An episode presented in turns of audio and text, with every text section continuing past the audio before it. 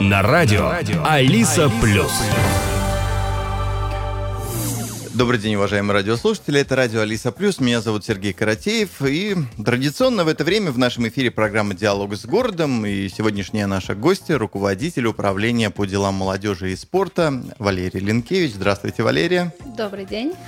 Телефон прямого эфира 654-2530. В ближайшие 30 минут мы поговорим о спорте в нашем городе и о молодежи, о спорте и молодежи.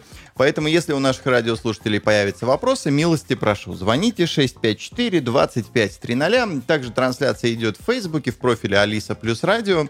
А, заходите, там нас можно смотреть, и там же в комментариях можно оставить вопросы для нашей гости. Я их постараюсь в эфире озвучить. В конце ноября прошлого года вы были назначены руководителем Даугавпилского управления спорта. Чуть позже, в декабре прошлого года, депутаты Даугавпилской думы приняли решение о переименовании управления спорта в управление по делам молодежи и спорта. Расскажите, какие изменения в работе структуры подразумевает вот эта вот реорганизация? Да, депутаты приняли решение, и с 1 января у нас начала работать новая структура управления по делам молодежи и спорта. Какие изменения? Это то, что к спортивной сфере к нам добавилась еще и молодежная сфера.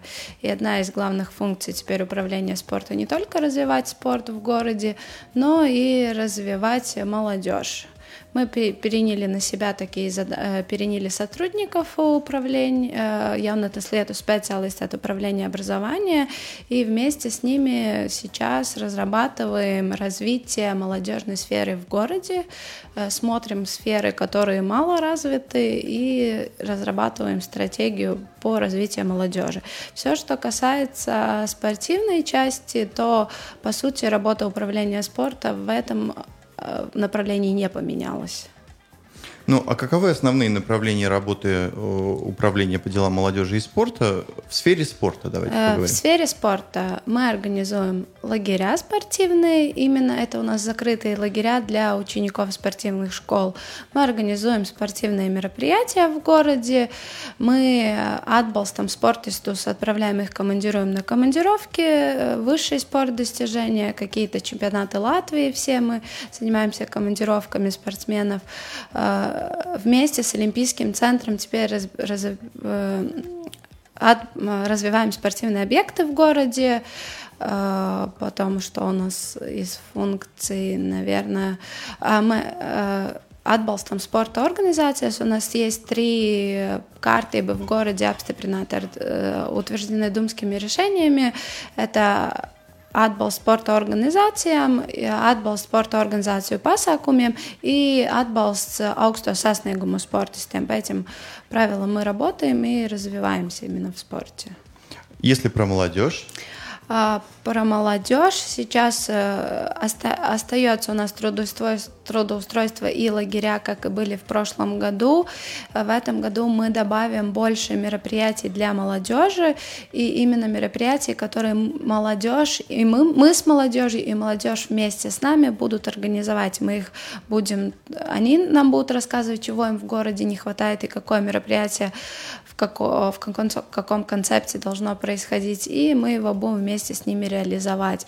Потом волонтерство в городе мы будем развивать дальше, пытаться э, рассказать молодежи о проектах, в которых они могут участвовать, какие возможности именно в европейских проектах есть будем работать в этих направлениях. И, естественно, первый год он будет такой ознакомительный, когда мы будем ознакомливаться, что в городе есть, и понимать, э, в каком направлении нам нужно двигаться. Ну, сейчас, если вы уже посмотреть на те несколько месяцев, сколько вы у власти, да, э, спортивная сфера, какие-то есть вот больш... проблемы? Проблемы, ну, которые необходимо экстренно решать? Но экстренно нет, есть дол ну, долгосрочные, которые, такие как спортивные объекты, естественно, какие-то реновировать, какие-то строить новые. Таких прям экстренных проблем в спорте нет. Ну, нам не хватает городу большого бассейна или большого стадиона? Чего не хватает? Я, как бывший легкоатлет, скажу, что мне не хватает стадиона, естественно. Но мне кажется, не только стадион — это, наверное, основа всех. Им не используются же только легкоатлеты. Это для любого вида спорта основа. Поэтому, наверное, больше стадиона. О каких результатах э, наших спортсменов в прошлом году вы могли бы рассказать? Ну, хотелось бы отметить э, Дениса Васильева, который в прошлом году на чемпионате Европы занял первое место, потом Анастасию Самойлову, которая вместе со своей напарницей Тиной Граудани второй раз подряд стали чемпионками Европы. Николая Замятина, он в чемпи... на чемпионате Европы среди юниоров весовой категории 57 килограмм занял третье место. Потом юную шахматистку Софию Васильеву, которая впервые в истории Латвии стала чемпионкой Европы среди молодежи, юниоров она. Юрий Семенов, наш паралимпиец, на всемирных играх завоевал, завоевал очень много медалей городу. И вообще статистика у нас восхитительная, колоссальная в этом году. Наши спортсмены на Кубках мира и чемпионатах мира на пьедестал поднялись семь раз – на чемпионатах Европы и Кубках Европы 8 раз. Э, участники спортивных школ всех возрастных групп, больше 400 воспитанников поднялись на пьедестал чемпионата Латвии. И наши сеньоры города, которые тоже представляют город на международных соревнованиях, на чемпионатах Европы и мира, более 15 раз поднялись на пьедестал почета. Ходили и ходили. Ходили да? и ходили, да. Руководитель управления по делам молодежи и спорта Валерия Ленкевич сегодня гости программы «Диалог с городом». Я приглашаю наших радиослушателей звонить на спортивную тематику 654-2530 и молодежь. О спорте и молодежи можем, может сегодня гости ответить, поэтому милости прошу, звоните. Если говорить о спортсменах, как вы считаете, какие сферы более успешны в нашем городе сегодня представлены? Э, ну, более, наверное, и по достижениям это борьба, и как женская, так и мужская у нас более, наверное, сильная и развитая по достижениям. Но также мы можем наблюдать индивидуально спортсменов, вот как я перечислила, это индивидуальные спортсмены, которые выстреливают в каких-то индивидуальных видах спорта. Э, да. Э, следующий вопрос будет слышен в наушнике. Добрый день, здравствуйте. Здравствуйте. Ну, вопрос, может быть, не, не к этой женщине, но вообще адресован на тему развития да, спорта в, на, в нашем городе. Да. Если брать стропы, да, там открываются какие-то велосипедные дорожки, что-то делается, да, как бы там жители, ну, имеют возможность посещать дети, да, как ну, э, в городе существуют другие районы, как Средняя Погулянка, допустим, Большая Погулянка, Форштадт, да, что в этих районах делается для развития спорта. Ну, для детей наших, для нашего будущего. Ну, Вопрос ясен. Понять. Спасибо. Валерий, вы компетентны поговорить на эту тему? Э, компетентны нет. Это, наверное, больше вопрос будет даже к Бувалде, Катисти, без департаменту, которые вообще смотрят и строят какие-то площадки для города. Если говорить про вот такие объекты, как дорожки возле строп, то это, к сожалению, не вопрос управления спорта и молодежи. 654-2530, номер телефона прямого эфира. О спорте и молодежи вопросы можно задавать нашей гости, руководитель управления по делам молодежи и спорта Валерия Ленкевич у нас в студии.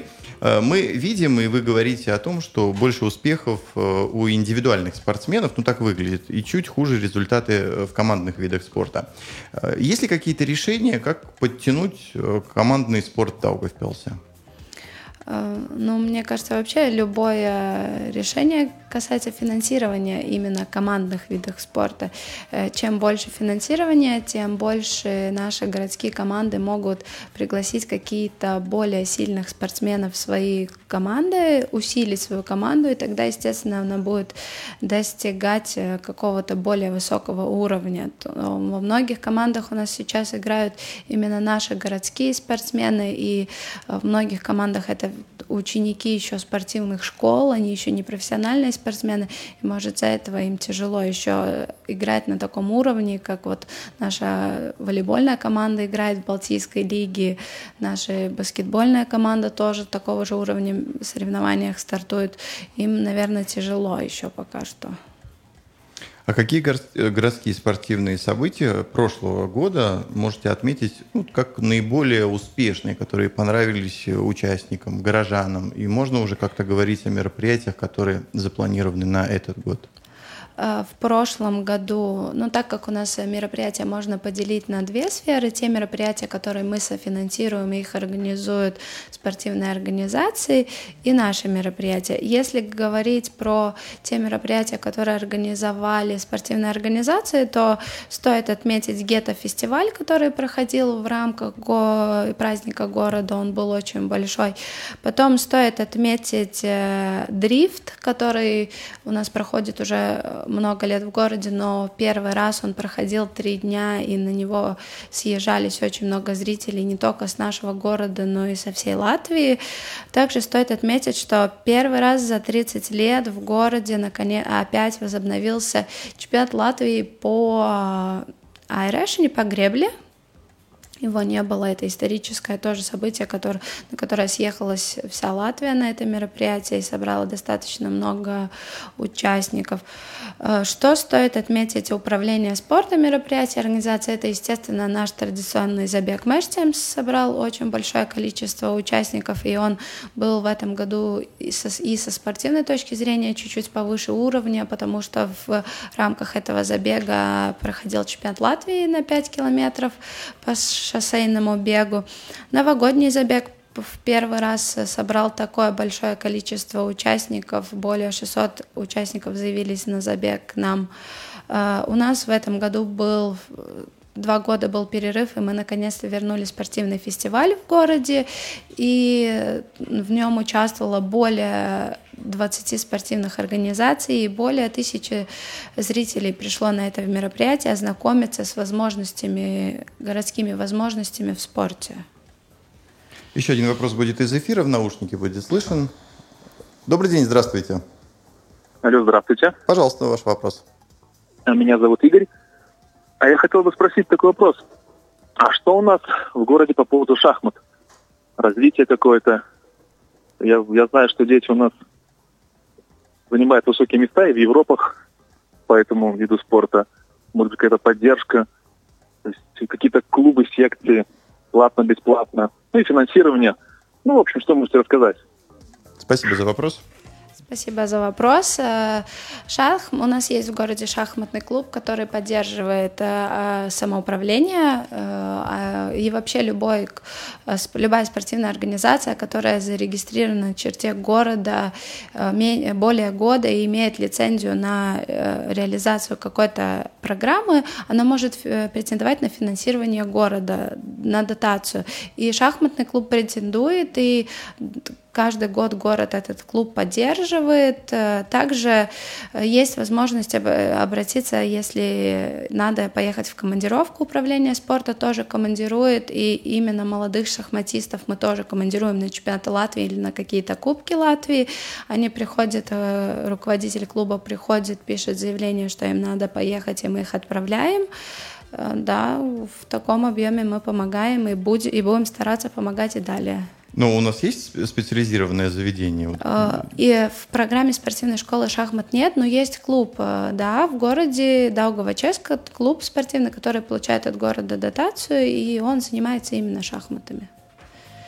654-25-00, номер телефона прямого эфира, руководитель управления по делам молодежи и спорта Валерий Ленкевич, сегодня гости программы «Диалог с городом». Если вернуться к нашей прошлой теме и о массовости поговорить, э, на какие спортивные мероприятия приезжают больше всего людей? А, ну, э, на такие, как дрифт, на такие, как э, спидвей, наверное, гетто тоже достаточно много зрителей собирает. Вообще, мне кажется, на большие мероприятия очень много съезжается и сходит, когда происходит большое мероприятие, есть много рекламы, вся округа об этом э, знает, то на, на любое мероприятие к нам приезжает достаточно много зрителей, но да, такие мероприятия, наверное, как дрифт, э, спидвей и гетто тянут за собой сразу. Скажем, были самые да. популярные в прошлом да, году. Да, именно так. Одна из функций управления по делам молодежи и спорта – это мотивировать спортсменов, поощрять за высокие достижения, таким образом и популяризировать спорт и здоровый образ жизни в целом. Известно, что уже много лет существуют правила награждения городских спортсменов. Расскажите, пожалуйста, об этом поподробнее. А, да, у нас уже более 10 лет есть правила в самоуправлении, когда спортсмен достигает э, результат на высокого уровня соревнованиях, таких как Олимпийские игры, Паралимпийские игры, чемпионат мира, чемпионат Европы, среди во всех э, возрастных группах и на латвийских олимпиадах, у них есть возможность претендовать на премию от города за высшие достижения в спорте. Таким образом, они просто по истечению, по тому, как прошли соревнования, они э, уже заняли место, приходят в управление спорта или присылают заявление в течение трех месяцев после мероприятия о том, что они заняли такое-то место. Сам спортсмен пишет это заявление и прикладывает протоколы, и мы выходим на Думу к депутатам и просим наградить такого, таких спортсменов за такие достижения. И все время город э, Адволста всегда поддерживает э, эти решения. Да. 654-2530, номер телефона прямого эфира. Приглашаю наших радиослушателей звонить. Следующий вопрос тоже будет слышен в наушнике. Здравствуйте. А хотел бы узнать, вот у нас в Даугавпилсе развивается мотокросс, почему никто ничего не говорит? Пожалуйста. Э, ну, мотокросс развивается, мотокросс не приходит в управление спорта за какой-то, может быть, поддержкой. Э, приходите, рассказывайте про себя, мы будем, может быть, рады чем-то помочь, вам нужна какая-то помощь.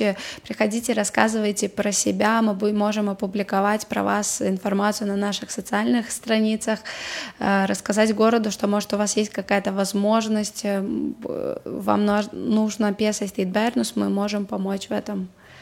Обращайтесь. Да, да, обращайтесь. И обязательно приходите, познакомимся и будем развивать вместе. А, в этом году продолжилась традиция вручения наград лауреат спорта. Как были отмечены лучшие из лучших э, за прошлый год?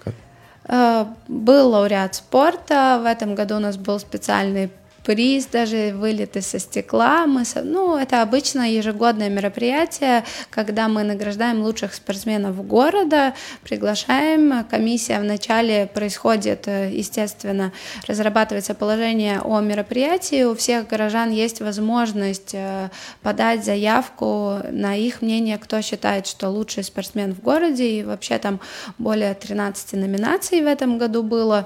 Если горожаны считают, что она иная другая организация заслуживает этого награждения или иной другой спортсмен именно является лучшим спортсменом года, лучшим сеньором года, э, то ю, юный лучший спортсмен, то они могут подать нам заявку. Это все публично доступно за месяц до мероприятия, где-то мы публикуем положение с возможностью подать заявку. И потом собирается комиссия и рассматривает заявки и также вносит свои предложения, э, зная все результаты и достижения всех наших спортсменов в городе, э, мы принимаем решение, кто именно заслуживает эти награды, и потом уже организуется мероприятие, куда приглашаются все спортсмены и происходит вручение церемония награждения. 654-2530, номер телефона прямого эфира. Я приглашаю наших радиослушателей звонить. О спорте и молодежи в городе говорим в нашей сегодняшней программе. И в гостях у нас Валерия Ленкевич, руководитель управления по делам молодежи и спорта. В Даугавпилсе планируется объединение спортшкол. А, что это за процедура, какова цель этих изменений и, собственно, что изменится? А, да, вчера на комитете образования был рассмотрен вопрос о том, чтобы объединить наших три спортивных школы. Сейчас у нас в, школе, в городе есть четыре спортивных школы. Это футбольная школа, ледовая школа, индивидуальных видов спортивная школа и детская юношеская спортивная школа. И вчера на Комитете образования депутаты поддержали предложение объединить три спортивных школы, ледовую, индивидуальных видов спортивную школу и детскую юношескую школу с 1 сентября. Если на следующий четверг депутаты Думы на заседании Думы поддержат этот вопрос, то будет реорганизация. Эта реорганизация никак не коснется тренеров и тренировочный процесс. Это пройдет плавно, просто создаться, создастся одно новое учреждение, и теперь, может быть, самим родителям будет более проще, они не будут путаться, в какой школе находится какой вид спорта, куда им обращаться по каким-то определенным вопросам, все будет централизовано. Э, будут изменения, может быть, в каких-то административных э, штатных единицах, потому что создаться, создастся одно учреждение, и чего-то надо будет больше, какой-то штатной единицы каких-то меньше, но это будут внутренние изменения. Э, да, но еще раз, и тренировочный процесс, на тренировочный процесс это никак не повлияет, и тренировки детей как проходили на определенных объектах спортивных по городу, так они и будут происходить, чтобы родители не переживали, никак не коснется вопроса, надо ли будет родителям переписывать заявление в новую школу, этот вопрос мы еще пока что обсудим, и технически я думаю, что всем родителям не надо будет приходить в школу, сейчас у нас уже введен во всех школах школах тоже Э-класс, как и в общеобразовательных учреждениях. И даже если надо будет заполнять какие-то документы, то это все будет сделано электронно. 654-2530, номер телефона в студии. Приглашаю наших радиослушателей звонить. Еще одно важное направление в вашей работе – это работа с волонтерами. Расскажите, многие или молодые люди готовы безвозмездно делать э, полезные дела? Э, ну, это стало для нас новое направление, так как мы приняли сферу молодежи. У нас, да, когда происходили спортивные мероприятия, мы привлекали все время волонтеров, и э, у нас была группа людей, 65 человек, которые с удовольствием помогали нам в организации спортивных мероприятий, и они получали от этого какое-то удовольствие, и мы им за это благодарны. Без них определенно многие мероприятия бы так быстро такого уровня бы не, не, не реализовались и не организовались, потому что они большие молодцы, они выполняют большую часть работы, и их достаточно много. И вот сейчас мы уже вторую неделю с мэром города ходим по общеобразовательным учреждениям, именно встречаемся со, с средними школами с, с детьми 10-12 классов, где у них есть возможность просто пообщаться с мэром, и потом мы, как э, явно Лету спорта Парвалда, общаемся общаемся с молодежью уже и рассказываем, кто мы такие, про их возможности, и в конце встречи мы им рассказываем, что у них есть возможность стать волонтерами в наших мероприятиях, стать волонтерами в каких-то встречах определенных, и насколько им это интересно. И да, дети заявляются, дети, в молодежь проявляет интерес. Они говорят, что многие не знали о такой возможности, что они могут быть, что для них публично это нигде не озвучивалось, но интерес есть, и мы сейчас будем работать в этом направлении, развивать его, будем более открытыми, более рассказывать в СМИ, в своих социальных сетях про их возможности, про то, что у нас будут происходить какие-то активности, куда они могут заявляться, и также будем просить у них, чего бы они хотели, каких активностей, и мы будем их привлекать. Давайте о волонтерах еще поговорим после следующего телефонного звонка. Добрый день, здравствуйте. Добрый день. У меня к вам такой вопрос. Вот пишут о тех спортсменах, о тех э, в печати, э, в газете. А почему ничего не пишете о детях-школьниках, которые занимаются баскетболом? Ведь прошлый год летом э, Федерация баскетбола в Латвии награждала лучших учеников за занятия спортом и в учебе. А почему у нас ничего вот в городе такого нет? Я просто знаю детей, которые даже были волонтерами на этих чемпионате У-19.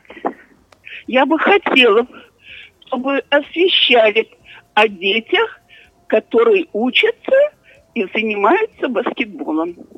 Спасибо за ваш звонок. Спасибо большое за звонок и за вопрос. Э, мы в этой сфере будем работать, э, будем развивать наши более активно социальные сети, более активно писать и про спортсменов, и про молодежь, и про волонтеров. Но если это были баскетболисты, которых награждала Федерация, определенно это было сделано публикации и на наших э, домашних страницах, и на странице, если это воспитанники нашей и детской юношеской спортивной школы, которая отвечает за баскетбол, определенно и они донесли эту информацию, и тогда эти детки определенно были награждены, на ве... должны были быть награждены на вечере спортивной школе, где, который тоже происходит, это лауреат уже спортивных школ, именно где награждаются детки за их достижения в в определенном году, то есть в 2022 году у них в конце года подводятся тоже итоги, где они при, э, приглашают всех лучших спортсменов, которые занимали хорошие места за год. Давайте еще к, волонтерам вернемся. Э, вы сказали о том, что вы планируете развивать это и информировать. Давайте начнем уже сегодня информировать. Да. Кто такой волонтер? Кто может стать волонтером спорта? Что для этого необходимо? Сколько вам их необходимо? Да? То есть чего вы хотите от этого процесса? И мы должны понимать, э, подходим ли мы для этой работы, скажем так. Для волонтера подходят все. Э, если мы говорим про спортивные мероприятия и убираем в сторону именно, естественно, мы сейчас призываем молодежь стать более активными, э, помо помогать нам, и мы будем помогать им развиваться, потому что в любом случае волонтерство это неформальное образование. Ты приходишь и чему-то учишься, чему-то новому учишься. Э, мы когда берем к себе волонтеров, мы у них спрашиваем, чем они хотят заниматься. Ну, то есть у нас происходит мероприятие, мероприятие, и перед мероприятием, когда создается команда волонтеров, и чем больше, чем лучше, и мы будем очень рады всем волонтерам, э, мы спрашиваем, чем бы они хотели заниматься и что им интересно, чтобы они это могли попробовать. Кто-то хочет, например, на забеге раздавать номерки, кто-то хочет регистрировать, э, сидеть за компьютером, заниматься регистрацией, кому-то интересно именно создавать атмосферу забега и клеить баннеры в свое видение, строить арку, языку.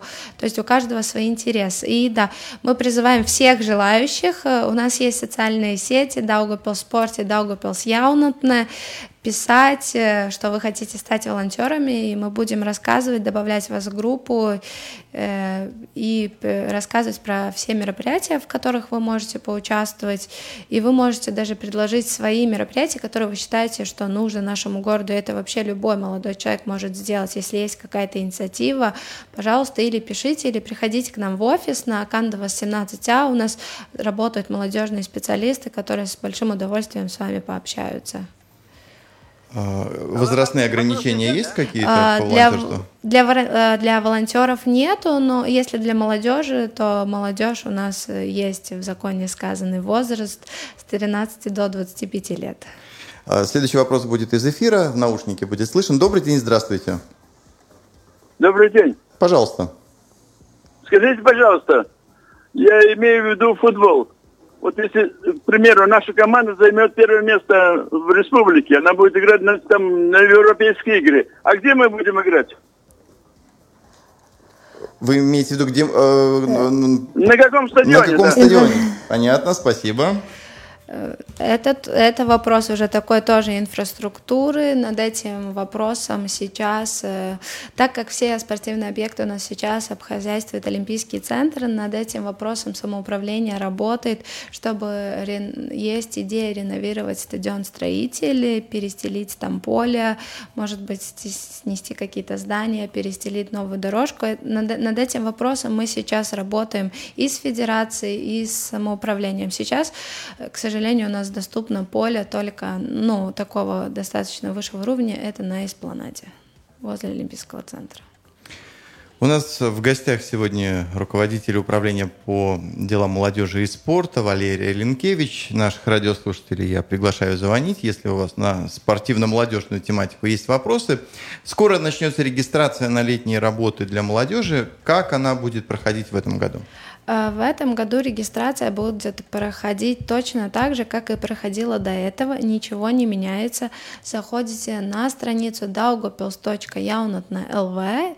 Э, за неделю до регистрации там будет доступна анкета, с которой вы уже можете ознакомиться, чтобы э, быть готовыми к заявке де, э, молодежь, дети 15-19 лет, регистрация уже начнется 18 февраля, это суббота, в 11 часов дня. А для деток 13-14 лет регистрация начнется 4 марта в 11 часов. Можете э, подавать, э, все заявки подаются электронно, как и все остальные года до этого, в систему, заходите, регистрируетесь и отправляете, и вам приходит подтверждение на почту, что вы зарегистрировались и вас добавили в очередь ожидания. Э, все, что касается количества мест, которые будут обеспечены в самоуправлении, они количество мест тоже не меняется. Детки 15-19 лет у нас обеспечено 1313 рабочих рабочих мест, и для детей 13-14 лет 412 рабочих мест в, в общеобразовательных учреждениях. А где будет возможность а, поработать? 13-14 лет детки работают в общеобразовательных учреждениях, 15-19 лет это э, учреждение самоуправления, предприятие самоуправления, Даугупилская региональная больница, Даугупилский университет и Олимпийский центр.